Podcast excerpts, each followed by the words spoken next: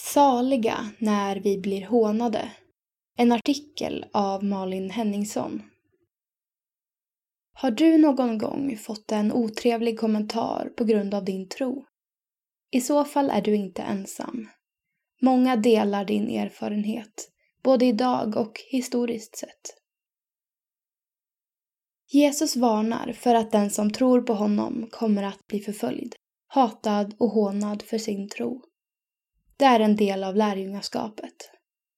Det är inte lätt, men Bibeln kallar oss att visa respekt, ge svar när någon frågar och stå upp för tron, även när den innebär lidande. Enligt en svensk rapport har hälften av landets kristna ungdomar upplevt kränkningar för sin tro i skolan. Rapporten visar att man i undervisningen ofta pratar om religiösa som mindre begåvande vilket är både ovetenskapligt och djupt sårande. Att religionsfriheten är en mänsklig rättighet inskriven i grundlagen kan i sådana stunder kännas som ett skämt. Bibeln förvarnar oss. Med Bibeln i hand kan vi se att hån och kränkningar för vår tro egentligen inte borde förvåna oss. Jesus säger har de förföljt mig ska de också förfölja er. Johannes evangeliet kapitel 15 och vers 20. Paulus skriver också om detta. Så kommer alla som vill leva gudfruktigt i Kristus Jesus att bli förföljda. Andra Timoteusbrevet kapitel 3 och vers 12. Det är alltså en del av livet för alla som vill följa Jesus att man på något sätt blir bemött negativt på grund av det. Jesus utmanar. Det mest utmanande är ändå det Jesus säger i bergspredikan. Saliga är ni när människor hånar och förföljer er och ljuger och säger allt möjligt ont om er för min skull. Gläd er och jubla, för er lön är stor i himmelen. Matteus evangeliet kapitel 5, vers 11 12b. Va? Ska jag verkligen jubla? När allt jag vill är att gråta eller säga något riktigt elakt tillbaka.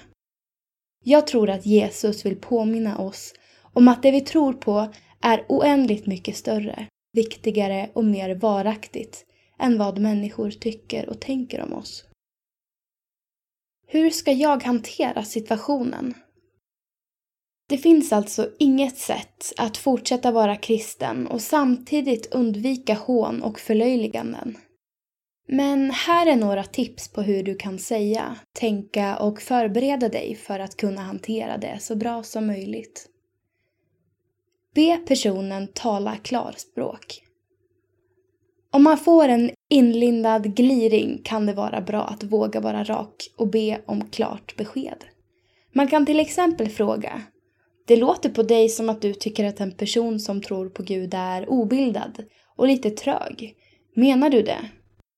Många gånger tvingas personen ursäkta sig eftersom han eller hon egentligen inte står för den åsikten. Bjud in till diskussion. Istället för att bara svälja hån eller kränkningar kan man välja att aktivt diskutera till exempel argument för eller emot Guds existens. Då kan det ibland visa sig att det är den andra personen som har ganska dålig uppfattning om sin egen livsåskådning och dess argument, snarare än tvärtom. Det är dock viktigt att tänka på sin egen attityd i diskussionen.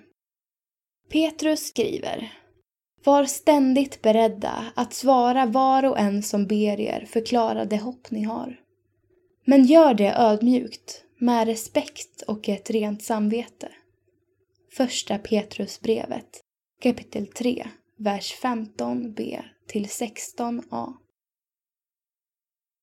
Sök mer kunskap.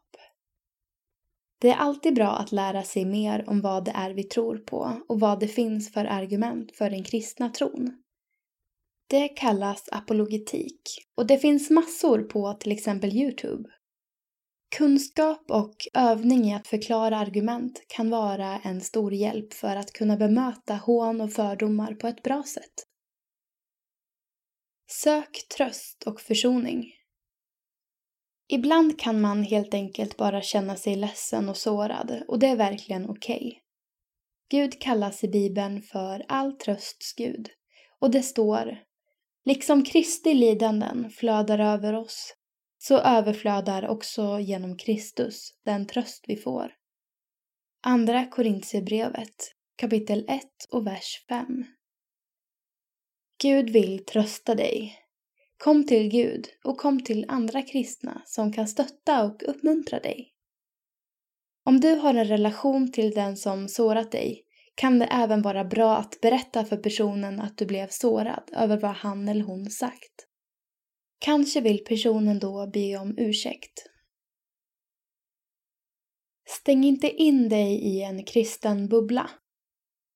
Man kan frestas till att bara umgås med andra kristna för att slippa ett negativt bemötande. Men det är egentligen ingen bra lösning.